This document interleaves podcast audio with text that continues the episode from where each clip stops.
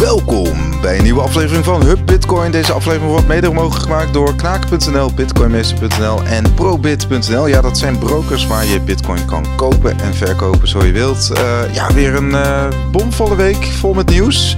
Yes. Uh, te beginnen met ja, toch wel op, opzienbaar het nieuws vanuit de massamedia. Het gaat erover dat, ja, dat is veel corruptie gaande. De FinCEN Files, dat is een dat is een overheidsinstantie in Amerika waar die zeg maar de verdachte transacties uh, uh, registreert. dus banken die uh, verdachte transacties zien op hun systemen, die moeten dat melden bij FinCEN. Daar is een hele grote databak van onthuld. En ook de grootste Nederlandse bank, ING, wordt daar genoemd. Ja, toch wel opmerkelijk, Robin. Ja, het is een totale samenwerking van 100 mediaorganisaties in 88 landen. En in Nederland uh, heeft Trouw, het Financieel Dagblad en het onderzoekerscollectief uh, Investico jaar meegewerkt.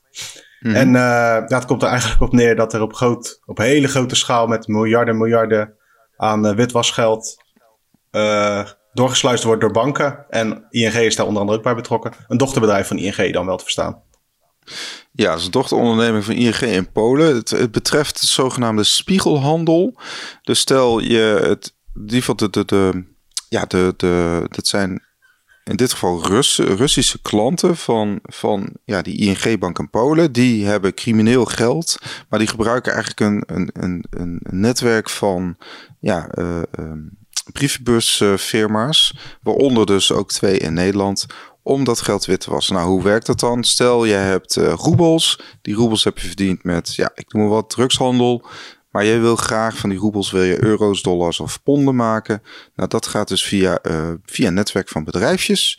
En in dit geval was er dus ook een ING-vestiging eh, in Polen. Of in ieder geval, ja, het ING-dochteronderneming van ING in Polen speelde daarbij een belangrijke rol. Ja, wat er dan uh, bijvoorbeeld gedaan wordt, is dat je een, een aandeel koopt, of een effect, in roebels in dit geval, waar het over gaat. Mm -hmm. en daar koop je een effect mee. En op hetzelfde moment verkoop je uh, ook datzelfde aandeel in, naar bijvoorbeeld dollars. En op die manier krijg je dollars terug, terwijl je er Russische roebels in stopt. En dan zich is dat niet illegaal, maar als dat gedaan wordt met geld uh, dat je over de grens wil sluizen of wil witwassen, dan is dat wel een probleem natuurlijk. En de banken hebben eigenlijk een plicht, een zware controleplicht om dat te doen. En dat is dus heel vaak niet gebeurd of niet voldoende. Ja, dus in dit geval kan die Rus dan, hè, die kan bewijzen van naar Amsterdam komen of naar een andere Europese stad. En daar gewoon zijn geld in euro's uh, uit, uit de flappentop trekken. Ja. Want hij heeft ook gewoon een rekening bij, uh, bij westerse banken. En zo werkt dat. En die ING Slaski in Polen, die heeft dus 675 eh, miljoen dollar aan betaling gefaciliteerd. Uh, dat is een ING-dochterbedrijf. En ja, de grote vraag is natuurlijk ja, dit, dit gebeurt op grote schaal. ING is dus niet de enige. Hè. Het, gaat ook om um, grote Britse bank, uh, eh, ASBC, in, uh, die betaling in Hongkong uh, heeft gefaciliteerd. Ja, heel veel Bank of America, Barclays. Uiteraard zijn, zeg Deutsche Bank. Over elk schandaal waar de banken bij betrokken zijn, is Deutsche Bank ook genoemd volgens mij. Ja, en het opmerkelijk is dat het steeds de Deutsche Bank die maakt dus ook gebruik van allerlei uh, bedrijfjes die dus deze betalingen faciliteren, deze spiegelhandel. En uh, dat is vrijwel hetzelfde netwerk als waar dus die ING Slasky uh, van gebruik heeft gemaakt. Dus er zit ook nog overlap in de ja, in die bedrijfjes uh, die, uh, die daar gebruik maken. En er zijn er dus ook twee in Nederland die dat doen. Dat is de Schilders over Finance uh, BV in Nieuwegein en Tristan Capital in Amsterdam. En dat zijn ja, gewoon spookbedrijven eigenlijk. Daar zit bijna niemand, of misschien één administrateur of zo, zit op kantoor. En, en that's it. Uh, voor de rest zitten die uh, in het geval van volgens mij van die. Dus die grotere uh, uh, die grote bedrijven daarvan, die zitten gewoon in andere landen. Ja, het is gewoon een kwestie van... Uh, die zitten er eigenlijk puur om de, dit soort uh, constructies aan te gaan, volgens mij. Precies, precies. Ja, en ik bedoel, door dit soort berichten neemt het vertrouwen natuurlijk in banken behoorlijk af. We hebben natuurlijk in 2008 gezien dat banken gered zijn door de Nederlandse staat. Hè, de ING heeft uh, 10 miljard gekregen, toch? Van ja. Wouter Bos destijds en meneer Balkenende. En ja, en, het, en we hebben natuurlijk vorig jaar hebben die, dat grote schandaal gehad van die Deense bank, die uh, in Estland ook uh, echt voor miljarden heeft witgewassen. Dus ja, we kunnen concluderen dat die banken hebben niks geleerd. Dus die banken hebben in twaalf jaar niks geleerd. Het gaat gewoon door. Corruptie, witwassen. Uh, en die banken zijn zo groot geworden dat ze gewoon geen grip hebben op hun dochterbedrijven. He, dus uh, ja. ze weten echt bij de Bel met Dreef, weten ze bij het hoofdkantoor van ING, weten ze gewoon dus niet wat er bij uh, de vestiging in Polen gebeurt. Dat, nee, En, dat, en dat hoeven ze ook nooit te weten. Dat heb ik altijd het idee, omdat ze toch de gevolgen niet gaan ondervinden. Hm. Want je wordt toch altijd geholpen als je, als je omvalt. Too big, too veel en dat soort dingen. Precies. En om dan even terug te koppelen uh, aan Bitcoin. We zitten hier bij een Hub Bitcoin podcast. oh ja, ja is, klopt. Uh, je dat, met een euro ben je verplicht eigenlijk om bij zo'n partij aan te sluiten. Je ja. moet misschien, heel, misschien dat er een, uh, een bank te vinden is die nog nooit in opspraak is geweest in Nederland. Maar zullen er niet veel zijn. En met Bitcoin heb je dat niet. Je hebt de keuze om het in ieder geval zelf in beheer te nemen. Je kunt ervoor kiezen om het ergens anders te stallen. Maar je bent in staat om, maakt niet uit wat voor bedrag het is, het zelf in beheer te nemen. En dat is, uh, dit is eigenlijk weer opnieuw gewoon reclame voor Bitcoin. Ja, kijk, en uh, kijk, de overheid kan doen wat hij wil, maar uiteindelijk bepalen natuurlijk de aandeelhouders van ING in dit geval wat er gewoon met het bedrijf gebeurt. Ja. Ja, dus je hebt gewoon binnen zo'n groot concern, zoals ING, aandeelhouders die, die bepalend zijn. En niet toevallig uh, de CEO of uh, Ralf Hamers of zijn opvolger. Die hebben het uiteindelijk toch niet voor te zeggen. Dat zijn gewoon stroomannetjes, die zitten daar voor vijf à tien jaar. Prima, hè, dat zijn best wel capabele mensen, maar uiteindelijk zijn het aandeelhouders die besluiten wat er gebeurt. Ja, ja en, dat, en dat, ja, goed, dat is wel een gevolg van denk ik, verregaande globalisering. Uh, gewoon uh, geen grip hebben op uh, wat er in zo'n groot bedrijf gebeurt. En ja, dat, heeft, dat hyperkapitalisme heeft wel tot gevolg dat, dat, dat corruptie en witwassen ja, aan de orde van de dag is. Ja, maar het is dus, als je het over kapitalisme hebt, dan waren de banken wel omgevallen. Als je Precies. Kapitaal... Want dat is wat er nu gebeurt dit soort, die structuren zijn weet ik het hoeveel eh, decennia of misschien wel honderden jaren of uh, heel oud in ieder geval, laat ik het zo zeggen. en dan komt er een mhm. nieuw poppetje in en die gaat dat ook niet veranderen. Die doet gewoon mee met de dans. En die macht groeit constant. En keer op keer blijkt of het nou Panama Papers zijn, zijn de banken bij betrokken. Dit soort uh, Vincent Leaks. Um, er zit daar gewoon iets goed mis. En je kan er eigenlijk ook weinig aan doen, want diezelfde partijen hebben ook de macht over het geld. Ja, nou kijk, de ING hè, en ook de, al, die, al die andere banken. Want het, het, het, kijk, het systeem moet wel zo werken dat toezichthouders. Hè, eh, in 2017 is ook Deutsche Bank uh, door de Amerikaanse en Britse toezichthouder uh, op de vingers getikt. Hè. Die moesten 630 miljoen dollar betalen voor, vergelijkbare, voor vergelijkbaar vergrijpen van spiegelhandel. Hmm. Dus we, we kunnen wel de, de ING, die kan wel zeker, dat is overigens de bank van de Nederlandse overheid, de ING, dat tezijde. Maar die kunnen ook uh, een, flinke boete uh, tegemoet zien. Dat, dat, dat, dat mogen we, mogen we aannemen. Maar goed, dat, dan gaat zo'n bank natuurlijk, dit is gewoon een mammoetanker, die, die, die, die gaat gewoon door. Hè? Die betaalt gewoon een half miljard aan, aan boete en dan gaan ze gewoon door. Ja. Uh, en dus, en de, de vraag is, wat verandert, wat verandert er daarna? Hè? Wat voor checks en balances gaan ze in zo'n grote organisatie uh, integreren om dit te voorkomen? Geen idee, maar ik denk niet dat het uh, ten goede komt van de klantvriendelijkheid, dan wel de bruikbaarheid van de euro. Nee, Nee, maar dat, dat, dat is. Al die, uh, zal dat er nieuwe maatregelen komen? Je moet nog beter identificeren of dat soort gekkigheid dan gaan dit soort partijen, dit soort uh, uh, industrieën waar het gewoon om miljarden gaat, die gaan nog steeds een omweg vinden om alsnog geld wit te wassen via het banksysteem. Ja, of via bitcoin hè? Laten we of via bitcoin inderdaad, want bitcoin kun je natuurlijk ook gewoon van de ene plek naar de andere plek sturen. Dan heb je geen banken meer nodig. Nee, het scheelt wel. Ja, het scheelt er een tussenpersoon, hè? nee, maar dat is, het, dat is het hele ding van... Uh, Bitcoin wordt vaak in het frame geplaatst, toch? Van, het, zijn, uh, is alleen maar voor criminelen. Maar banken, banken worden ook gebruikt door criminelen. En de snelwegen ook. Ja, Audi auto's ook en BMW auto's ook. Is, is BMW en Audi dan slecht? Nee, voor mij niet. Nee, maar het is meer... Uh, de Bitcoin biedt voor mij hier een alternatief. Want ik hoef dan geen gebruik te maken van het uh, banksysteem. Nu nog wel hoor, want je moet gewoon mijn, uh, mijn huur betalen. En als ik wil pinnen bij de Albert Heijn, dan gebruik ik ook gewoon nog de euro. Maar je, je bent ertoe verplicht omdat je, een, omdat je de euro als verplichte valuta hebt. Ja, ja, goed, maar dat, dat is in principe een ander, ander weer. Dat is wel weer, dat sluit hier zeker bij aan, maar dat is op zich weer een bredere discussie over inderdaad uh, valuta. Ja, dat is waar. Uh, en, uh, maar de, de, in, in, in dit geval, um, de vraag is inderdaad van het vertrouwen neemt af in de instituties die er moeten voor zorgen dat jij gewoon uh, met de euro kan betalen. En dat, dat, is al, dat zijn deze commerciële banken zijn dat. Alleen, ja, het vertrouwen neemt er natuurlijk in af. En dit soort organisaties moeten er dan voor zorgen dat de spelregels eerlijk zijn. Ik bedoel, als jij of ik dit soort uh, dingen uithalen, dan hebben we hele, hele, hele grote problemen. ja. Ja, nee, zeker. Dus dat, dat, dat speelt ook een rol. Hè. En dan hebben we het nog niet eens eens gehad over het cotillion effect. Dat commerciële banken natuurlijk veel meer betere uh, en lucratievere toegang hebben tot, tot die euro.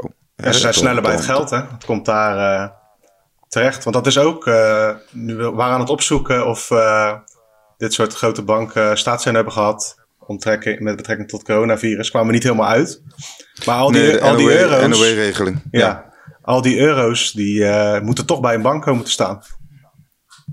Dus weet ook wet of keert, die komen, ook daar komt dat geld terecht. Uh, ja, dus de, de, Nederlandse overheid zal de ING gebruiken om uh, die euro's te storten op de verschillende uh, bankrekeningen. Ja. ja. Nou, dan, en als, je, ja. als jij je belastingen overmaakt, dan gaat het ook via een ING-rekening. Of een andere grote bank bij mij. Nee, ik bedoel, de, de, de, de, de rekeningnummer van de Belastingdienst oh. is van de ING. Ja, ja, klopt, ja. Nee, dus dat bedoel ik. Dat hele, het zit helemaal in elkaar verweven natuurlijk. En als we ja. dan even een uh, sprongetje maken van, uh, van de banken, dan hebben we ook nog de Bank of England. Oh ja. ook uh, opmerkelijk nieuws naar buiten dat ze nu serieus... De oudste, oudste centrale bank ter wereld volgens mij. Maar... Ja, dat, dat weet ik trouwens niet zeker. Ik zeg wel hard ja, maar zo klinkt het in ieder geval wel. de Bank of England die overweegt dus serieus om negatieve rente te gaan heffen. Ook. Ja. En dat betekent dus dat je bij de Bank of England bent aangesloten en dat je hun geld betaalt om jouw geld te bewaren, waar zij vervolgens meer, wel mee aan de slag kunnen en kunnen mee speculeren.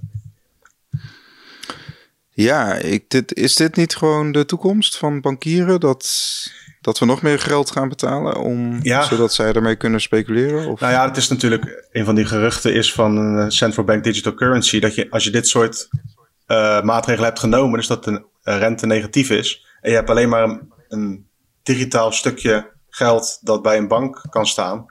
Ja, dan ben je hier aan overgeleverd. Want dan kan je het ook niet eens meer zelf in je pakhuis opslaan. Nee, precies. Het, het, ik bedoel, zij, zij hebben gewoon door van oké, onze positie is binnen, binnen de euro, of in dit geval de pond dan, van ja, ja dit, dit, ik bedoel, dit, onze positie is zo machtig dat we dit gewoon kunnen eisen. Ja, ja, de beweegredenen weet ik niet zo goed. Maar het enige wat ik weet is dat het me wel echt uh, flink tegenstaat. ja. Ja, dan kom je weer ja, bij, bij Bitcoin uit. Je hebt daar geen, uh, geen plusrente, zeg maar. Je hebt geen rente in de plus als je het er uh, gewoon opslaat voor jezelf. Maar je hoeft in ieder geval nee. ook niet uh, aan een dienst te betalen. Nee, en over de ING gesproken trouwens, volgens mij was het op de redactiechat toch? Dat, volgens mij zei Arnold dat, dat nu de studentenrekeningen zijn oh, is ja. nu ook bijgesteld aan 0%. Ja, want die studenten die hebben natuurlijk zoveel bakken met geld op hun rekening staan, daar kunnen ze niet een beetje rente over betalen. Nee, precies. Dus uh, nou, die studenten worden nog meer, uh, nog meer gepakt. Ja. Naast het uh, ah, leenstelsel. Goed, dat was sowieso al geen vetpot meer natuurlijk. De spaarrekening of rente, rente op betaalrekeningen van een student. Nee, nee. Dus, nee, nog... zelfs voor kinderen. Hè? Dus als je voor kinderen spaarrekening opent, dan krijg je, dan krijg je eigenlijk geen rente. Eentje geeft volgens mij 0,1% rente nog en that's it. Ja. Dus, nou ja, en, en dan dus dit, dit heb je gewoon met partijen die zo machtig zijn dat ze zelf kunnen bepalen wat ze gaan doen met jouw geld. Ja. Daar komt het op neer, voor mij. Ja, maar goed, de, de, de, ja, Want is, is er niet... Kijk, de, de realiteit is natuurlijk dat wij gewoon met, met, met euro's moeten afrekenen. Hè? De hypotheek of de mhm. huur gaat met euro's. Uh, uit, hè, ons salaris is ook nog gewoon in euro's. Dus we, we, we, zitten nou eenmaal in dat systeem van... van dus ik, ik persoonlijk zie ik Bitcoin op dit moment ook meer als een, als een, als een verzekering voor de toekomst. Ja, nou ja als je dit soort nieuws, als je dit soort nieuws allemaal hoort en je hebt zoiets van, nou is er geen alternatief, dan kun je inderdaad Bitcoin als uh, spaarpotje gebruiken als hedge. Ja, ja. Als je net zoals wij enthousiast bent over Bitcoin, want ik vind wel, dat, zeg ik eigenlijk altijd, van je moet wel weten wat je koopt. Want kijk, qua betalingsverkeer, de, de, de vraag is of, of daar nog, nog uh, eer te, te behalen is voor Bitcoin. In, in het Westen, uh, als, als betaalmiddel. Uh, ja, dat denk ik wel. Maar um, dan moeten wel, op het leidingnetwerk bijvoorbeeld, moeten wel de snelheid omhoog gaan. Ja. Maar dat is, dat is op zich weer een andere discussie ook weer voor dit. Want als je, als, Bitcoin, als je Bitcoin hebt als standaard valuta, dan kan, zijn er ook manieren nu al om snel mee te betalen. Ja, nee, is ook zo. Is ook zo. Dus dat moet groeien, denk ik. Ja, maar ja, dat is ook wel. Ik, uh, de, ik, geef de euro liever uit dan, uh, dan mijn Bitcoin. Dus wat dat betreft, Bitcoin als, of euro als betaalmiddel werkt ook gewoon prima. Maar je kunt er niet mee sparen. Nee, nee, klopt. Nee, ik had uh, dat, dat, dat. Ik, en je moet ook oppassen als je een spaarrekening inderdaad afsluit. Dat, dat je daar, hoe zou ik het zeggen? Dat, je hebt de bepaalde depositorekeningen die je bijvoorbeeld na, maar na een bepaalde uh, tijd weer kan openen. Ja. ja, daar ga je zelf mee akkoord met dat soort uh, regels. Ja. Maar ook dat is inderdaad iets waar, waar je van bewust moet zijn. Van als je een rekening opent met bepaalde regels bij de bank, dan kan je er ook echt even niet meer aankomen. Nee, dan kan, kan het zo zijn dat je er gewoon tien jaar niet aan kan komen. En dan weet je gewoon dat gedurende die tien jaar wordt het minder waard. Dat hebben we wel eens uitgerekend. Dat volgens mij uit mijn hoofd, het is 2% per jaar. En volgens mij zit je op tien jaar zit je uh, echt richting die, die ja, meer dan 20% sowieso. Ja, meer. Veel meer. Uh, meer. Ja, veel meer, want het is natuurlijk exponentieel. Dus, uh, nou, dus de, van, van die 1000 euro blijft dan minstens nog maar 800 over of zo. Ja. In 10 jaar tijd. Koopkracht aan koopkracht dan. Ja. Dus die euro's staan er nog gewoon te shinen, want het is nog steeds 1000 euro. Maar je koopt er minder brood van. Precies, precies. En dat is een gegeven, hè? want dat gaat niet veranderen met de euro. Nou, minder brood, minder, uh, minder, uh, minder huis, minder auto, minder studie, minder alles eigenlijk. Minder bitcoin met alles. een beetje geluk.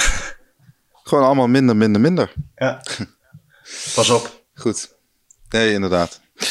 Uh, Argentinië die wil dus inderdaad die belasting van 35% heffen op uh, alle dollar aankopen. Want het uh, land kampt gewoon met een ja, tekort aan dollars, kun je zeggen. De, de dollar is daar zo populair geworden.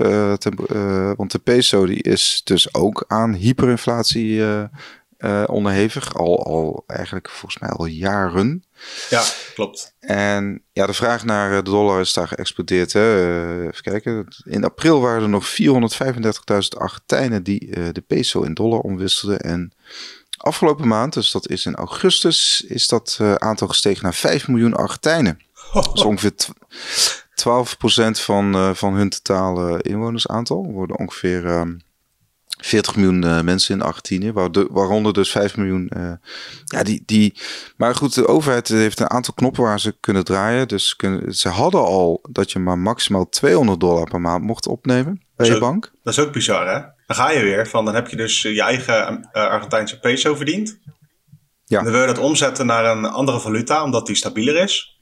En dan mag dat gewoon, die limieten zijn gewoon keihard naar beneden gegooid.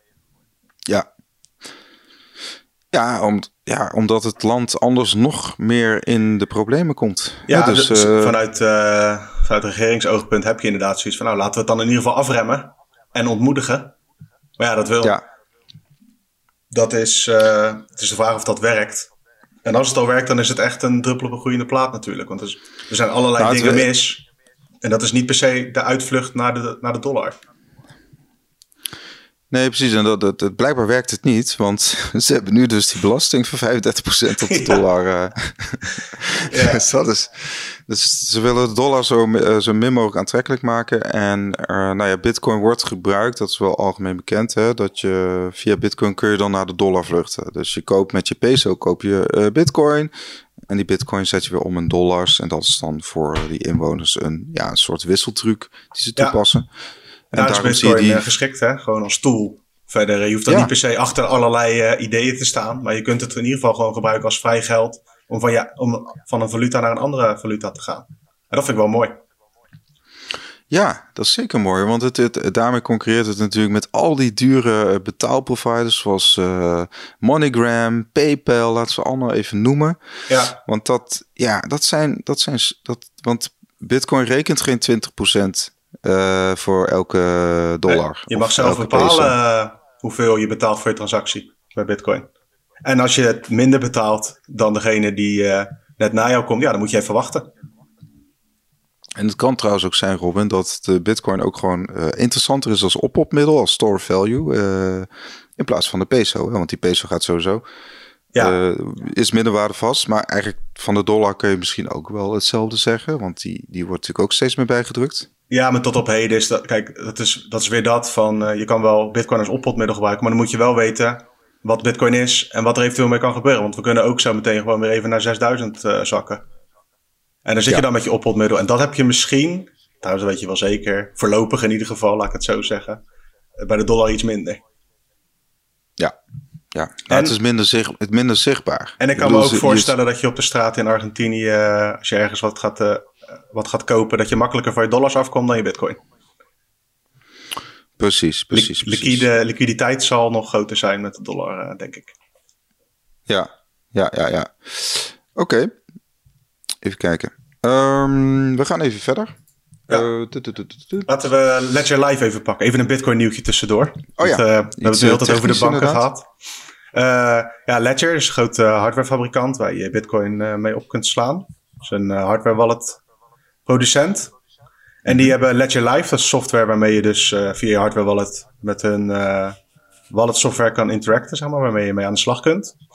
Ja. En je kunt daar nu zelf bepalen welke bitcoin je uitgeeft uh, binnen jouw wallet. Waar het nu het geval is als je die functie niet gebruikt, de functie heet coin control. Als jij mhm. bitcoin stuurt, dan verstuurt Ledger eigenlijk automatisch de oudste bitcoin die op jouw adres staan. Dus jij hebt waarschijnlijk, wij spreken, vorig jaar bitcoin gekocht.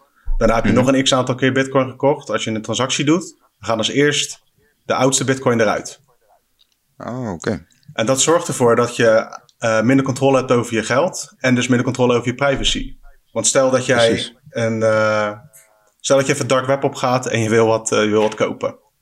Dan wil je dat niet. Ja, bijvoorbeeld. Wa wapens. of wat, gewoon wat, wat legaals, maar niet per se dat je zoiets hebt van nou, dat moet via Marktplaats. Je kunt daar ook hele leuke kasten kopen hoor. oh ja? Tuurlijk. heb je dat wel eens gedaan? Nee, ik heb het nog nooit gedaan. Maar dat kan gerust. Maar anyway, Ehm, als jij jezelf hebt geïdentificeerd bij die aankoop uh, van die eerste bitcoin die er dan direct uitgaat, dan kan jouw identiteit dus gekoppeld worden aan die betaling. Precies.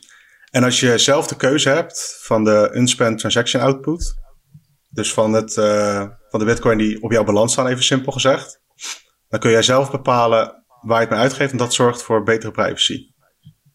Ja. Ja, dus je zou kunnen zeggen de, de meest populaire uh, um, ja, hardware uh, wallet maker. Want in Nederland is denk ik Ledger wel nog steeds de meest populaire. Dat, dat, zie je ook, wel ja. vaak Ik ben zelf meer van Trezor, maar... Ja, ik gebruik ze allebei, moet ik, uh, moet ik zeggen. Ja. Uh, maar het, het, wel, Ledger was wel nummer, in, in die zin de eerste die ik, uh, die ik had, ja. ja. Ledger is volgens mij ook de oudste fabrikant die nog bezig is. Maar goed, eh, ze zwichten, of zwichten, ja, ze, ze, ze houden meer rekening met, met privacy, met financiële privacy. Ah, dit is, is gewoon een, uh, een functie die aan verschillende wallets al zit. En zij volgen nu gewoon. Ja. Want het, het is, uh, kijk, dat is weer gewoon controle. als ik wallet software gebruik, dan wil ik zeggenschap hebben over waar ik met, bitcoin, met welke bitcoin ik aan de slag ga. Ja, precies. En niet op iets arbitrairs als van, oh, dat is de oudste bitcoin eh, die jij in je bezit hebt. Tenminste, de oudste uh, transactie. Dan ga je die als eerst gebruiken. Dat kan je beter zelf bepalen. Dus het is, een klein het is een klein dingetje voor de meeste mensen, maar het is wel belangrijk. Ja, precies. En het is ook wel handig uh, bij zogenaamde dust attacks. Daarbij sturen partijen een beetje bitcoin naar een adres. En wanneer je deze bitcoin meestuurt met een andere transactie, kun je gemakkelijk gevolgd worden op het netwerk. Ja, ja dat haakt daar eigenlijk een beetje op in. Wat er bij een dust attack gebeurt, is dat je bijvoorbeeld één Satoshi. Uh, ik stuur één Satoshi naar een adres van jou, Wessel. Mm uh, en als jij niet die coin control functie van Ledger gebruikt, dan stuur jij gewoon die bitcoin ergens anders heen. Maar mijn satje die ik bij jou heb meegestuurd, die gaat dan misschien wel mee met die transactie. Ja, dus dan volg ik dat bundeltje aan satoshis, die volg ik, kan ik volgen over het netwerk heen. Ja, en dan kun jij precies zien waar ik mijn bitcoin naartoe stuur. In ieder geval naar welke adressen. Ja. En dan heb je natuurlijk uh, te maken met allerlei uh, bedrijven die daar nu druk mee bezig zijn om dat helemaal in kaart te brengen en dat ook nog kunnen koppelen aan je IP-adres of je naam of nog meer? Ja, dus eigenlijk wat we, ja, even, even een gedachtesprongetje, eigenlijk wat we zagen bij social media. Ja, ik heb toevallig de, op Netflix de Social Dilemma gezien. Oké. Dat was wel interessant, interessante docu over ja, hoe social media bedrijven werken. Ze hebben heel veel ja, bepaalde belangrijke gewoon werknemers die bijvoorbeeld, ik noem wat, die bijvoorbeeld de Facebook like button heeft ontworpen. Ja. Hè, of de, de, de, bepaalde mensen die daar innovatie hebben toegepast. Maar eigenlijk er nu achter komen waar die innovatie toe geleid heeft. Namelijk tot massale surveillance van, van, van de massa. Ja, ik kan me voorstellen dat, de mensen die dat initieel gebouwd hebben... niet per se dachten van... oh, laten we eens even een, een uh, wereld bouwen... waarin iedereen overal altijd in de gaten gehouden kan worden. Nee. En dat, dat, ik denk dat daar ook wel weer parallel te trekken is met met, uh, met de Bitcoin, eh, met het Bitcoin X-systeem. We weten nu nog niet hoe bepaalde technologieën uh, die nu ontwikkeld worden, hoe die gebruikt gaan worden. Dat, dat weten we gewoon niet. Klopt. En dat, dat, dat hoeft ook op zich, ja, is het ook niet heel veel zin om daar nu al mee bezig te gaan. Alleen. Nou, je kan denk ik ook vooral kijken naar wat het voor jezelf biedt, hè? Bij Bitcoin. Ja. Nou, het biedt dit en dat. Ik heb, hebt zeggenschap over je eigen geld. Je mag je kunt ermee doen wat je wil op het netwerk. Dat heeft een bepaalde waarde. En wat er uiteindelijk in de toekomst dan door anderen mee gaat gebeuren. Ja, daar kan ik zelf niet zo heel veel aan doen, volgens mij. Nee. Nee, maar ik kan me voorstellen dat, dat, dat je als industrie of zo, hè, dat je zegt, nou ja, goed, we hebben bepaalde ethiek en we vinden privacy belangrijk. Dus we, we, we, we, we zetten ook een bepaalde streep bij hè, bepaalde technologieën die tegen privacy ingaan, bijvoorbeeld. Ja. dat, dat, dat, dat, ja, dat voor zover je dat dat zou kunnen natuurlijk, maar als je bijvoorbeeld een, uh, nu ergens ter wereld een broker bent, iemand die bitcoin verkoopt of koopt, ja, dan ben je hmm. gewoon genoodzaakt te voldoen aan de regels waar jij je kantoor hebt gevestigd. En dat is eigenlijk per definitie zijn dat regels die tegen de privacy ingaan. En dan kun je heel principieel zijn en ermee stoppen. Maar het is geen optie om principieel te zijn en gewoon door te gaan met waar je mee bezig bent. Want dan staat er binnen de kortste keer iemand op de stoep. Nee, dus het, het, is een moeilijke balans. Maar ik denk vanuit de community zelf, zeg maar, ook voor mij als persoon heb ik inderdaad zoiets van... je moet zoveel mogelijk privacy opties hebben. Dan zijn ze er in ieder geval. Ja, maar goed, in dit artikel wordt dus ook die CoinJoin uh, genoemd. Hè? Daar schrijven we ook wel regelmatig over. Maar soms denk ik ook van, ja, kijk, de privacy coins... die worden door sommige brokers al geweerd. Hè? We spraken bijvoorbeeld Bit Bitcoinmeester. Die heeft ook privacy coins af, uh, afgehaald. nou, het werd natuurlijk niet glashard uh, gezegd dat dat, dat, dat, uh, dat de DNB heeft gezegd, nou, je moet die coins uh, eraf halen. Dat niet. Maar het is duidelijk dat een, bro een broker zit in dat traject van de DNB. Ja. En, en ja... Ja, nu, nu, ga ik speculeren, maar ik denk dat dat inderdaad te maken heeft met van... als jij, neem bijvoorbeeld Monero van een exchange koopt en je stuurt dat naar je wallet, dan moeten volgens mij beurzen nu dat ook registreren waar dat geld naartoe gaat. Ja. En dat kan inderdaad lastig worden bij dat soort zaken.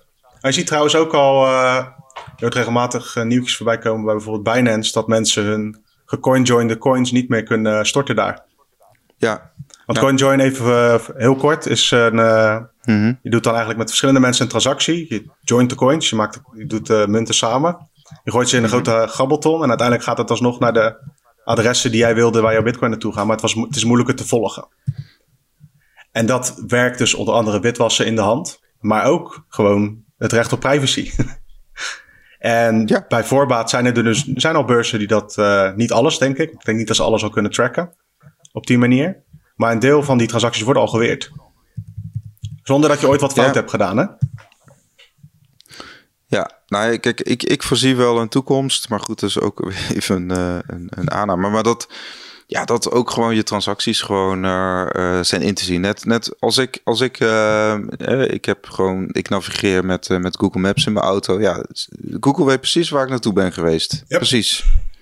En ze weten precies waar ik uh, wat heb gekocht of daar heb getankt. Of uh, hè, ze kunnen precies een kaart brengen van... oh, hij is nu weer bij zijn familie... of hij is nu weer bij die, uh, bij vrienden daar. Of, ja, klopt. Hè, dus dat, ze kunnen dat precies, ze weten dat precies. En dat gaat natuurlijk ook gebeuren met, met bitcoin-transacties. En, ja, maar dat is al aan de dus gang, hè? Eigenlijk alle, ja, alle ja. veiligheidsdiensten, alle belastingdiensten... van een beetje het niveau, die zijn hiermee bezig. Ja, en daarom is het zaak om dit soort uh, dingen, dit is maar een heel klein, dit was al mogelijk bij allerlei andere wallets.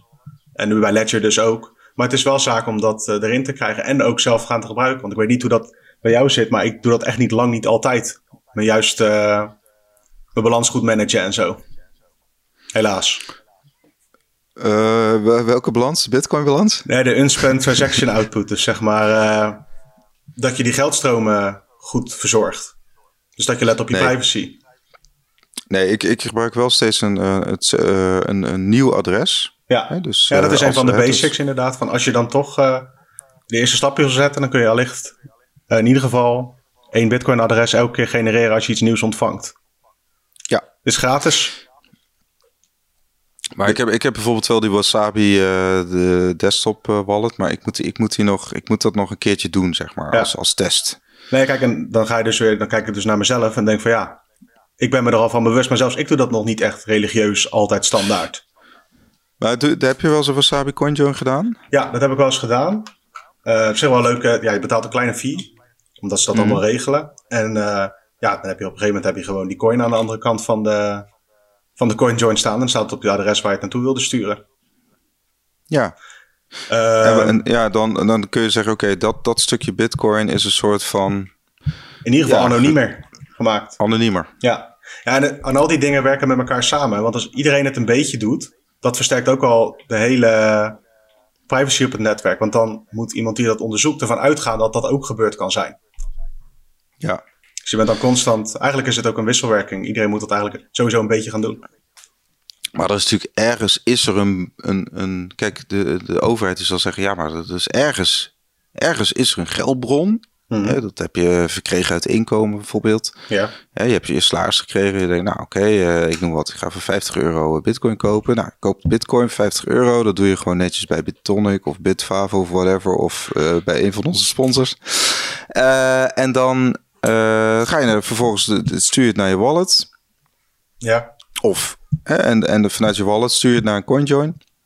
Ja. En dan, en dan, wat doe je er dan mee? ja, maar de, ik vind dus niet dat dat aan hun is. Dat is, kijk, uh, je geeft gewoon aan wat je verdiend hebt. Je kunt ook aangeven mm. wat je uit hebt gegeven uh, bij belastingaangifte. Als je, whatever. Als je geïnvesteerd hebt in je, in je scholing, dan kan je dat van je belasting aftrekken. Dat soort dingen. Dat kun je gewoon allemaal ja. eerlijk aangeven. Maar dat wil niet zeggen dat al die tussenstationnetjes ook allemaal in beeld moeten zijn, constant. Nee. Vind ik. Nee, maar dat, dat is wel wat ze willen natuurlijk. Ja, klopt. Ze willen, ja. ja. En dat is ook wel wat er aan de hand is. Want als jij uh, bezoek krijgt en je moet het allemaal gaan verantwoorden, nou, dan ben je meestal wel even bezig als je veel Bitcoin-transacties hebt gedaan. Precies, ja, daar hoop ik eigenlijk ook niet op wat dat betreft, want dan moet ik ook heel wat terugzoeken. Ja. Maar de, mm, wat natuurlijk wel zo is, kijk, stel, maar goed, dat is ook allemaal even stel, maar stel, kijk, uh, Bitcoin is gewoon belegging. Mm. Zo, zo zie ik het. Het is een belegging, dus je moet het opgeven als ja, uit mijn hoofd gewoon vermogen. Dus het, ja. het, onder vermogensbelasting. En ja, dan moet je die, die, die bitcoin die je gecoinjoined hebt, moet je ook opgeven. Of, of je nou gecoinjoined is of niet. Ja, maar dat kan toch? Ja, nee oké, maar even voor de duidelijkheid. Als je, dat... die, als je netjes aan alle regels wil voldoen en gewoon een goede Nederlandse burger wil zijn, dan moet je dat inderdaad allemaal doen. En dat is ook aan te raden, want als ze erachter komen, dan ben je gewoon de sjaak. Nee, maar even voor duidelijk inderdaad. Maar goed, het, het, het, is dus meer dat je een deel van je vermogen gewoon minder zichtbaar maakt voor de buitenwereld. Zo kun je het ook zeggen. Want, het is, het is want als je bij je belasting, daar ben ik hardop aan het nadenken. Als je belastingaangifte doet en je geeft aan, nou, je hebt zoveel contant geld. Dan hoef je toch ook niet te vertellen in welke sok dat zit? Nee. Dus als ik aangeef van nou, ik heb zoveel bitcoin, bij wijze van spreken, dan hoef ik toch niet. Dat moet dus wel soms, hè, want dan ligt de bewijslast ligt bij jou. Maar dan moet jij aantonen waar die bitcoin allemaal staan. Ja, ja, ja. Dus, uh, dus, dus uh, de CoinJoin is een beetje de witte sportsok. Uh. ja, zoiets. Laten we het daarop houden. Maar goed, dus ook okay. Coin Control nu bij, bij Ledger. Het is een populaire hardware wallet. Dus als je Bitcoin hebt staan bij, bij, met een, of Bitcoin hebt opgeslagen met een Ledger wallet, check het eens uit, zou ik zeggen. Ja, en ik denk ook wel een beetje, het is wel heel slim van ze, want Ledger was, hè, de, de binnen, ja. binnen, die, binnen de Bitcoin community is het heel, heel uh, meer Trezor, Cold Card wordt natuurlijk veel genoemd. Ja. Dus het is, het is, vanuit Ledger ook wel handig, hè? Om, om in ieder geval weer een soort... soort... Ja, wat ze hadden niet zo lang geleden uh, een veiligheidslek, waarin er weet ik hoeveel uh, mailadressen werden gelekt van klanten. Ja, ja 1 miljoen dacht ik. Ja, daar hebben we het toen ook over gehad. Maar het, één ding wat je niet wil als bitcoiner, is dat je ook nog je e-mailadres gekoppeld is aan dat je klant bent bij Ledger. Dat is gewoon niet wat je wil. Precies. Staat Sascha met de Klassikov voor de deur. ja, misschien heb je toch te veel films gekeken. Of je, hebt meer, of je hebt meer bitcoin dan ik weet, Wessel. Want ik denk niet dat ze voor dat schamele beetje wat wij hebben al voor de deur staan. Nee, je weet het niet, hè? je weet niet wat, uh, wat uh, hoe... Uh, maar de, ze, hebben, ze zouden geen reden moeten hebben, inderdaad. Nee. Wat dat betreft. Maar goed, uh, laten, we, laten we verder gaan. Want de difficulty rate. Uh, ja. Je hebt de hash rate en de difficulty rate. Hash rate. Beter. Ja, inderdaad. Bitcoin mining, het is 11, ruim 11% moeilijker geworden. Dus die difficulty rate is, is, is, is dus moeilijker geworden. Betekent eigenlijk hè, dat het vinden van blok lastiger is voor, voor miners. Uh, vorige keer was het juist een afname, volgens mij op mijn hoofd anderhalf, uh, anderhalf procent. Dus dan was het, was het veel makkelijker om te minen. En het is eigenlijk een automatisme binnen het protocol. Hè? Binnen, uh, elke twee weken wordt het aangepast naar ruim 2000 blokken. Wordt 216 bloks om precies te zijn. Precies. 2016 natuurlijk. 2016 blokken inderdaad. En uh, elke twee weken wordt aangepast. Dat noemen ze de zogenaamde epochs. En in deze epoch uh, is, uh, is de difficulty rate. Dus het betekent eigenlijk dat, ja, je kunt zeggen er is meer rekenkracht. Want je ziet dat de, de hash rate ook omhoog is gegaan. Hè? De rekenkracht is ook omhoog gegaan. Dus betekent dat er gewoon meer machines op het netwerk zijn aangesloten, meer miners. Of efficiënter, hè? Het hoeft niet per se meer te zijn. Er, wordt of gewoon, efficiënter, inderdaad. er worden gewoon ja. uh, per seconde meer hashes gera geraden. Ik wilde geraden zeggen, omdat ik in het Engels bezig was. meer hashes geraden per seconde. En daardoor moet de moeilijkheid omhoog, want anders komen de bloks te snel tevoorschijn en dan gaat, komt er te snel nieuwe bitcoin vrij. Precies. En het, het, hoeft niet per se te betekenen dat er meer miningpartijen, want het kan inderdaad ook zijn dat bestaande miningpartijen gewoon meer miners uh, of efficiëntere miners uh, bijplussen. Ja, dus ja, niet per se het is voor mij altijd een uh, geruststelling als je dat weer ziet, want dan denk je van nou, in ieder geval die kant van de industrie, daar is voldoende interesse om er werk voor te leveren. En dat is een goed teken, want dat, daar is uiteindelijk uh, op protocolniveau is dat eigenlijk belangrijker dan een, uh, een of andere beurs. Eens, eens, eens. Want even kijken, één, het is iets gezakt natuurlijk, maar één, één, één blok levert op dit moment nog altijd ruim 66.000 dollar op. Ja. Dus dat is nog steeds wel een behoorlijke financiële prikkel natuurlijk uh, voor, voor miners. En zo, uh, zo heeft Satoshi het ook bedoeld. Hè? Ik weet niet of die al voor. Ik weet niet of ze toen de tijd al dachten van nou, dan 2020 dan uh, gaan landen als Iran en weet ik veel wat, die gaan ook echt uh, bewust bitcoin minen. Maar dat is wel de uitwerking. Ja, voor mij, voor mij persoonlijk eh, vind ik dit een van de, vind ik dit een van de mooiere kanten van, van, van bitcoin ook. Ja. Ik bedoel, ik vind bijvoorbeeld, gaan we hebben vorig jaar over gehad. Uh, ik vind het gaaf dat, dat, dat je heel goedkoop grote bedragen kan versturen. Hè? Ja. Dus dat, dat, dat, is, dat is een van de. Maar goed, op macroniveau vind ik het gaaf dat dat, dat minen, dat proof of work, dat dat, dat, dat gewoon, dat is, een, ja, dat is gewoon een, een keihard gegeven en een keiharde business. Maar dat komt omdat en, de, de, incentives werken, zeg maar, de motivatie. Want aan de ene kant is het puur winstbejag als grote, als grote mm. miner. Je, je gaat een data, datacentrum inrichten en je gaat zoveel mogelijk bitcoin proberen te verdienen. Ja, ja maar het is heel plat. Aan de andere kant, wat ze daarmee doen met die hebberigheid, is het netwerk beveiligen.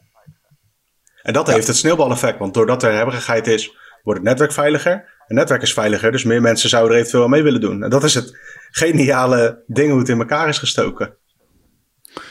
Precies, en het, het zit dan zo in elkaar dat elke 10 minuten toch, hè, het, het wordt niet elke 2 minuten, niet elke 4 minuten, niet elke 6 minuten. Elke 10 minuten is er een nieuw blok ongeveer. ongeveer ja, het is ligt uh, vaker volgens mij wel richting de 9 minuten. Maar het is in ieder geval daar in de buurt.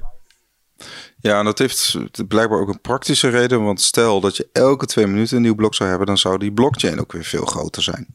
Ja, en er wordt een nieuwe bitcoin als... uitgegeven. Het, het, idee is juist dat, die, dat het allemaal... Want twee minuten, zeg maar, voor mij, die 2016 bloks is een beetje arbitrair. Arbitrair, zou vast over nagedacht zijn hoor. Maar dat, dat kan ook 4000 blok zijn, of 1000 juist. Mm, nou, even kijken, want het... Ja, dat, dat zou kunnen, hè, vanaf het initiële idee. Ja, nou, het, het, gaat er inderdaad over dat uh, vermenigvuldig je het aantal blokken met een gemiddelde van 10 minuten, dan kom je ongeveer uit op die 14 dagen. Ja, ongeveer ja. Maar dat is, dat is hoe het werkt. Maar ik bedoel, ja, het, zeg maar, die, het, getal 10 minuten is, ik weet niet precies waar dat op gebaseerd is. Maar op protocolniveau is het gewoon 2016 bloks. En of dat nou een jaar duurt of die 10 minuten, dat maakt voor het protocol niet uit. Nee, oké inderdaad. Maar goed, het, het is in ieder geval een voorspelbare tijd. Ja, uh, nee, je kan het ongeveer uitrekenen, want het blijft kans, een kansspel. De hash uh, goed pakken van het blok. Ja. Maar dus, ja, ja. ja. nou ja, goed, het zit, het zit heel vent in elkaar. Hè? Het balanceert zich uit, het kalibreert. Ja. Bitcoin is en, uh, leuk spul. En dat is het, hè, want het, het dient als stabiele basis. Dat is dit. Ja, dat, dat, nou ja, dat, dat vind ik dus een groot voordeel ten opzichte van, van proof of stake coins of hè, van al die hype coins die, er nu, die je nu allemaal ziet. Dan, je weet gewoon over, over een tijd zijn die er gewoon niet meer. Want de, de, is de, de, de hoeveelheid kapitaal die je ook weer nodig hebt om een bitcoin te minen, dit, dat, dat is substantieel, weet je wel. Dat is niet iets wat je op je zolderkamertje kan doen. Ja, en dat, dat, ik... Uh... Ja, maar, dus ik vind dat industriële aspect juist, juist wel een, een, een kracht. Ja, tuurlijk. Maar dat is, dat is omdat die incentives nu groot genoeg zijn... omdat er ook grote businesses mee aan de slag kunnen. Kijk, in 2010 hmm. was je gek als je dat al... Tenzij je vooruitziende blik had... en wist dat bitcoin uh, dit ging doen... naar uh, bedragen boven de 10.000 dollar per stuk. Als je dat in 2010 wist, dan was je niet gek als je een datacentrum opzette. Maar nu kan je eigenlijk, als je start, kan je al uh, omzet gaan draaien. En flink ook. Mm. Misschien moeten we binnenkort weer eens Mark van de. Uh... Je kan allemaal licht even pingen. Ja. Nou ja, wat, wat, ik moet ook wel denken aan het ene bericht van eh, Equanor, hè, dat, dat, dat afvakkelen van gas. Want je hebt natuurlijk heel veel gas- en oliebedrijven die, die gas over hebben. Ja. En dat, dat, dat, die schadigasboom in Amerika is gewoon uh, echt helemaal uit. Uh, dat, dat, is behoorlijk succesvol in Texas. En ja. daar gebruiken ze natuurlijk het, het, overschot aan gas voor um, dat zeg ik ook altijd tegen mijn vrouw, die nogal van duurzaamheid ook is. Van nou ja, Bitcoin is het benutten van een overschot aan energie. Van zo goedkoop mogelijke energie, want anders ga je daar niet zitten. En of dat nou groen, groen of wat ik weet ik voor wat is, maar het is, wat voor stempeltje erop wil plakken, het is in ieder geval energie die niemand anders voor een hoge prijs wil hebben. Precies. Dus, dus uh, ja, ja, nou ja, goed. Dat, dat is het, hele, het hele ding. ja, nou ja, goed, het, het is dat, uh, nou ja, goed, dat zie je ook wel, want dat Ecuador, dat is ook weer, en daar wil ik eigenlijk naartoe, dat het is ook weer ge, uh, ge, uh, gelinkt aan de Noorse staat, want de Noorse staat heeft dus ook aandelen in Ecuador. Oh ja. dat energiebedrijf, maar de Noorse staat die belegt dus ook indirect via, via het pensioenfonds Oil Fund in Bitcoin. Ja, want het gaat over uh, aandelen in het Amerikaanse bedrijf MicroStrategy. Yes. Uh, die hebben voor 425 miljoen uh, aan bitcoin gekocht. Klopt. Dus dat is meer dan 38.000 bitcoin hebben die nu in kas. En ze houden dat aan echt als kasreserve, dus als spaargeld, zeg maar. Ja. En, en indirect is het dus, ja, je zou je kunnen zeggen dat de staat van, of dat Noorwegen of belegt in bitcoin. Ja, want, want uh, dat fonds, dat... Ja, ik vind het wel een beetje een, uh, conclusie dat je denkt van... Ja, ze hebben gewoon een aandeel in een bedrijf die bitcoin heeft. Maar goed. Nou ja, kijk, je kunt zeggen, het, daarom staat er ook indirect. Hè? Dus ja. ze hebben indirect exposure. Dus het, het, dit, dit staatsfonds, het is echt 100% van de staat, van de Noorse staat, heeft natuurlijk veel olie, hebben dat in een fonds uh, uh, gestopt. Dat heet Oilfond. Dat Oilfond, dat gebruiken ze, die opbrengsten, die gebruiken ze ook voor de infrastructuur in Noorwegen. Of dat nou onderwijs is of zorg of... Ja. Uh, en, maar ook dus voor investeringen in, in buitenlandse bedrijven, zoals ja, die IT, IT-bedrijf, MicroStrategy. Daar hebben ze anderhalf procent in ingestoken. En um, dat is dus omgerekend inderdaad.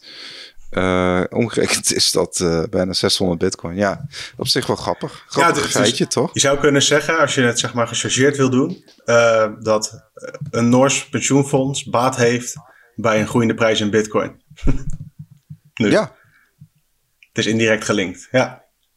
Kijk, ja, en, en eh, de vraag is, en dat, dat, dat is natuurlijk fase 5 dit, en dat is ook wat plan B uh, zich afvroeg op Twitter, van uh, wanneer gaan die aandeelhouders van Shell en van ExxonMobil en BP zich roeren? Wanneer gaan zij zich roeren uh, in de zin van of bitcoin minen of indirect investeren in, in bitcoin? Ja. Dat, dat, dat is de grote vraag. Ja, dat is de next stage, als, als dat gebeurt naar aanleiding van MicroStrategy. Ja, ik, ik, blijf wel. Ik denk dat het heel afhankelijk is van wat Bitcoin-prijs gaat doen. Als MicroStrategy volgend jaar uh, een cijfers presenteert en laat zien van nou, we hebben dit en dit gedraaid. Maar doordat Bitcoin een keer 10 is gegaan, hebben we een vermogen waar je bang van wordt. Ja, dan worden mensen wel wakker. Maar het tegenovergestelde kan ook. Ja, nee, het, het, het is nog wat dat betreft één groot experiment. Bij MicroStrategy is het natuurlijk ook uh, de CEO, even de naam kwijt. Kijk, ja, Michael Saylor. Ja, die uh, was in 2013, uh, tweette die nog dat uh, Bitcoin snel dood zou gaan. En die heeft zichzelf eigenlijk helemaal in Bitcoin verdiept en is daar enthousiast van geraakt. En had toen zoiets van: ja, die cashreserve in dollars, dat wordt alleen maar minder waard. Hij noemde het ijsblokjes. die ja. langzaam wegsmelten. Ja. En hij is op, eigenlijk op eigen houtje is hij daarachter gekomen, volgens mij. Zo brengt hij het in ieder geval. En heeft hij dat voorgelegd bij zijn bedrijf. Dus dat is echt een soort van, vanuit een bitcoiner zelf heeft hij zijn bedrijf daar naartoe gebouwd. Dat is wat anders dan dat Shell denkt van ik moet bitcoin hebben, want het bedrijf, een ander bedrijf maakt met bitcoin winst. Ja, kijk, uiteindelijk maakt het niet uit hoe, hoe die bedrijven, want uiteindelijk, nou ja, goed, stel, stel, dat is gewoon een scenario, stel dat inderdaad, zij verdubbelen, dus zij, zij verdienen 425 miljoen dollar in één, in één jaar tijd. Ja. Bewijs ja, van. Stel, hè, stel dat bitcoin naar 20.000 dollar gaat, dan hebben zij een, bij 425 uh, miljoen dollar. Uh, en het mooie is, ze hebben het ook wel in verschil. Dus stel dat, maar dat inderdaad, dat gaat dan, dat gaat ook wel naar andere bedrijven toe, want die denken ook van ja, uh, wacht eens even. Um, ja, ik kan wel in obligaties gaan, maar ja, wat doet het nou eigenlijk? En ja, ik kan wel in dit, in dit kantorencomplex in Amsterdam Zuidoost gaan investeren. Ja, maar ja, goed, die kantoren staan nu ook leeg. Daar moeten we ook op gaan afschrijven. Ja. Weet je wel? Dus de, de, dit kan een beetje worden wat ik toen heb gehad in 2017. Dat ik dan voor elke verjaardag stond ik op een gegeven moment bekend van... Hey Robin, die doet toch wat met bitcoin, weet je wel? Toen ging die prijs natuurlijk helemaal door het dak. Uh, maar dat was dus omdat die prijs door het dak ging. Dat mensen dachten, hey, Robin heeft toch bitcoin, laat ik eens wat vragen. En dat zou hier ook kunnen gebeuren. Dat Michael Saylor straks op zijn uh, biljonairs uh, feestjes is. en dat hij dan die vraag krijgt. Ja.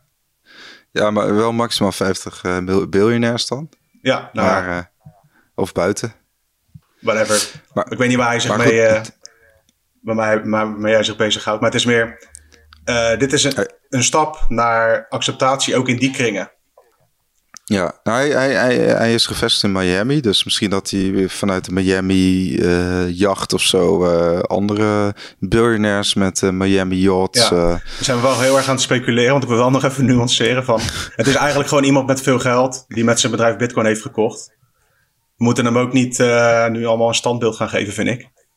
Maar het is nee, dat, dat, dat, dat, daar hebben we allemaal wel een beetje in een handje van. Ikzelf ook. Van dat je denkt van, yeah, weet je one of us, one of us. Maar uiteindelijk is het gewoon iemand die voor zichzelf als het goed is uitkijkt. En de waarde van bitcoin heeft ingezien. Ja, maar goed, dat, ik denk ook, het is op zich ook wel een uh, menselijke reactie dat je denkt van ja, goed, uh, hè, dat, dat heb je natuurlijk ook. Je hebt zowel privé als, als zakelijk kies je voor bitcoin. Als dan, als dan zo'n bedrijf ervoor kiest om zo'n bedrag uh, te investeren. Niet, niet even 100.000 uh, euro of dollar, maar gewoon ja. bijna een half miljard. Ja, dan, dan voelt dat wel als een bevestiging. Dat klopt, daar ben, ik, vooral, ben ik met je eens, ja. Vooral, uh, vooral als, en dus dat, dat natuurlijk, dat, dat, uh, we moeten dat ook wel zeker met de korreltjes zout nemen. Want uiteindelijk is Bitcoin nog een hele kleine asset. Nou ja, wat dus ik, wat is... ik nu het zeg kleine asset, wat ik mooi vond, is dat hij ook uh, heeft uitgelegd hoe hij die, die aankoop heeft gedaan. Want ja, ja. Als, jij, als jij in één keer die honderden miljoenen ergens bij een beurs erop knalt, ja, dan gaat de prijs wel gek doen. Dan krijg je minder bitcoin voor je dollars, dat weet ik zeker. In ieder geval op die beurs even snel. Mm. Uh, wat hij, geeft aan dat hij in totaal maar 18 on-chain transacties heeft gebruikt. Dus hij heeft in hele kleine hoeveelheden per minuut of per seconde heeft hij bitcoin gekocht. Ja, fantastisch. En uiteindelijk heeft hij dat via 18 on-chain transacties naar de cold wallet gestuurd waar ze het opslaan. En wat hij daarmee aangeeft, dat vond ik nog wel een leuk, eigenlijk om het een beetje af te sluiten. Van dat store of value waar je het net ook over had, Wessel. Van dat heeft geen mhm. schaalbaarheidsprobleem. Want zij hebben dit gewoon relatief makkelijk kunnen doen. De liquiditeit was voldoende op verschillende beurzen om per in kleine hoeveelheden bitcoin te kopen met zo'n groot bedrag. Ja. Dus want dat, dat vind ik eigenlijk het succesverhaal soort van, van bitcoin hierin. Dat de prijs eigenlijk helemaal niet gek ging doen. Ik weet op 100%. Vroeger was het nog wel eens dat er een, een of ander nieuwtje was over uh, Burger King of weet ik veel wat die bitcoin zou gaan accepteren in Rusland. En daar werd mensen heel enthousiast van. Dit is op een heel ander niveau al. En de prijs ja, is ook niks, niks bijzonders in ieder geval. Nou ja, het is ook iemand die uh, gewoon via Twitter uh, gewoon heel duidelijk uitlegt hoe, hoe hij het heeft gedaan, wat de transacties zijn. Het is geen gerucht, weet je wel. Het is gewoon, dit zijn de facts. Het is ook gewoon, Hij, het is ook uh, gewoon gedeponeerd bij de toezichthouder, bij de SEC. Dat kun je, je kunt, omdat het beursgenoteerd is, is het allemaal heel transparant en klopt het gewoon. Klopt. Dit is wat er aan de hand is. Het Als, is geen hype. Klopt. Het is, dit is gewoon een feit in ieder geval. Dat MicroStrategy nu voor honderden miljoenen aan bitcoin op de balans heeft. Hij heeft trouwens wel, die Michael Saylor heeft nu wel helemaal zijn uh, Bitcoin-identiteit omarmd, ook op Twitter. Hè? Net als heel veel andere grote oh, ja. Twitter-accounts, dat hij constant van die leuke quotejes tweet en zo.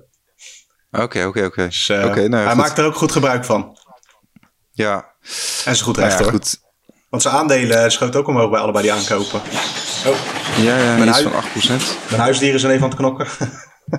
oh, oké. Okay. Twee, het zijn nou twee of drie ratten? Drie tammeratjes.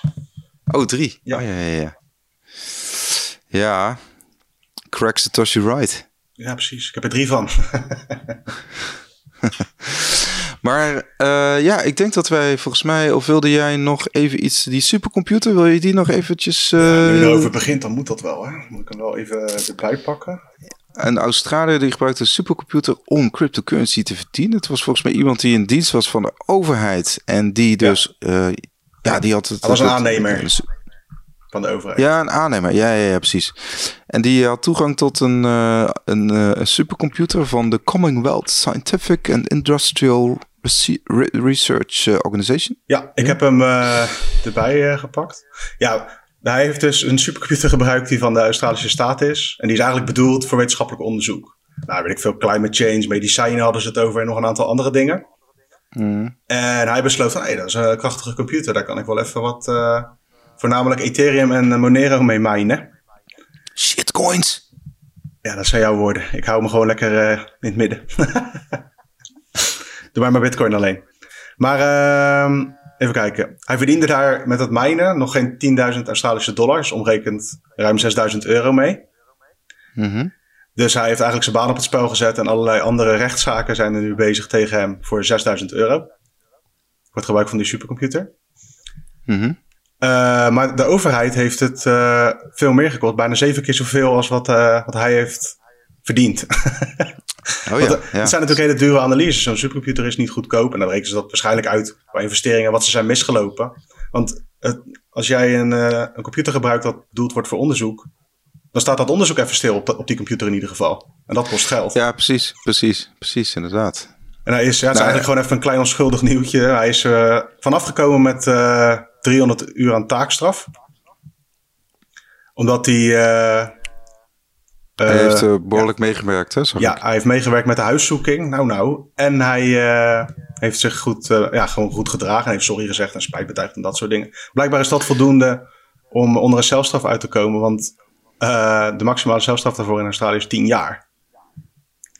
Ja, ja, dat is behoorlijk. Zo. is andere koek. Maar goed, ja, ik, ik, ik, zei ook shitcoins, omdat in principe met zo'n supercomputer zou je... Wordt het al lastig om nu bitcoin te minen, denk ik, gezien de, uh, zo huidige... Ja. Nou, dat zou een van de overwegingen kunnen zijn dat, geweest, ja. Hè, dat, dat, dat hij juist die kleinere munten uh, heeft uitgekozen. Ja. ja, dat weet ik niet. En, ja. En Monero is natuurlijk een soort van anoniem, dus hij dacht, nou ja, misschien hè. Ja, dan, uh, zou kunnen. Maar ja, Ethereum weer niet. Nee. Maar goed. Nee, maar ik, denk, ik weet niet hoe bewust hij daarmee bezig is. Misschien dacht hij wel dat hij er sowieso mee weg kon komen. Ja, ja dat zou ook wel kunnen, ja. Nou, je, hebt het, je hoort het wel vaker, hè? Was ook een... Uh, ja, laten we daar afsluiten. Er was een... Uh, ja. Uh, bij een kerncentrale... Waar was dat? In Wit-Rusland, uit mijn hoofd? Er was iemand die had ook een computer gebruikt om gewoon even bitcoin te minen. oh, echt? Ja, ik weet even niet meer waar het was. Maar er was in ieder geval... Dat gebeurt vaker natuurlijk, want je, je hebt allerlei mensen die stroom aftappen of andere gekkigheden. Maar dat gebeurt natuurlijk ook bij organisaties uh, die, hard, die goede hardware hebben. Sorry? Oh, dat zou kunnen. Oekraïne, Oekraïne dacht ik. Ja. Acht. Anyway, dus, uh, dit, is, dit is een ding wat, uh, wat vaker voor gaat komen, denk ik. Als je er gewoon even snel wat geld mee kan verdienen. Moet je alleen niet gepakt worden, meneer Jonathan Coe. nee, Nee, inderdaad. Dus uh, nou ja, goed. Uh, kijk uit, sowieso. Uh, doe gewoon, wees zuinig. En Bitcoin is, is natuurlijk nog steeds, ja, is een volatiel be beestje. Hou er wel rekening mee. Yes, ja. zeker. En blijf toevallig overlezen op bitcoinmagazine.nl. Zeker. we hebben elke dag om drie uur s middags hebben we een, een, een, meer een verdiepend artikel over Bitcoin. Want we zijn met de Bitcoin maand bezig. Dat is uh, ja, de maand september. En even kijken, vandaag staat er bijvoorbeeld uh, Bitcoin versturen of ontvangen. Hoe moet dat? Vier tips op een rijtje. Daar heeft uh, Arnold een heel stuk over geschreven. Ja, is altijd is dat, handig om even te lezen. Als je, er toch, als je er toch mee bezig bent, kan je beter zoveel mogelijk erover leren, toch?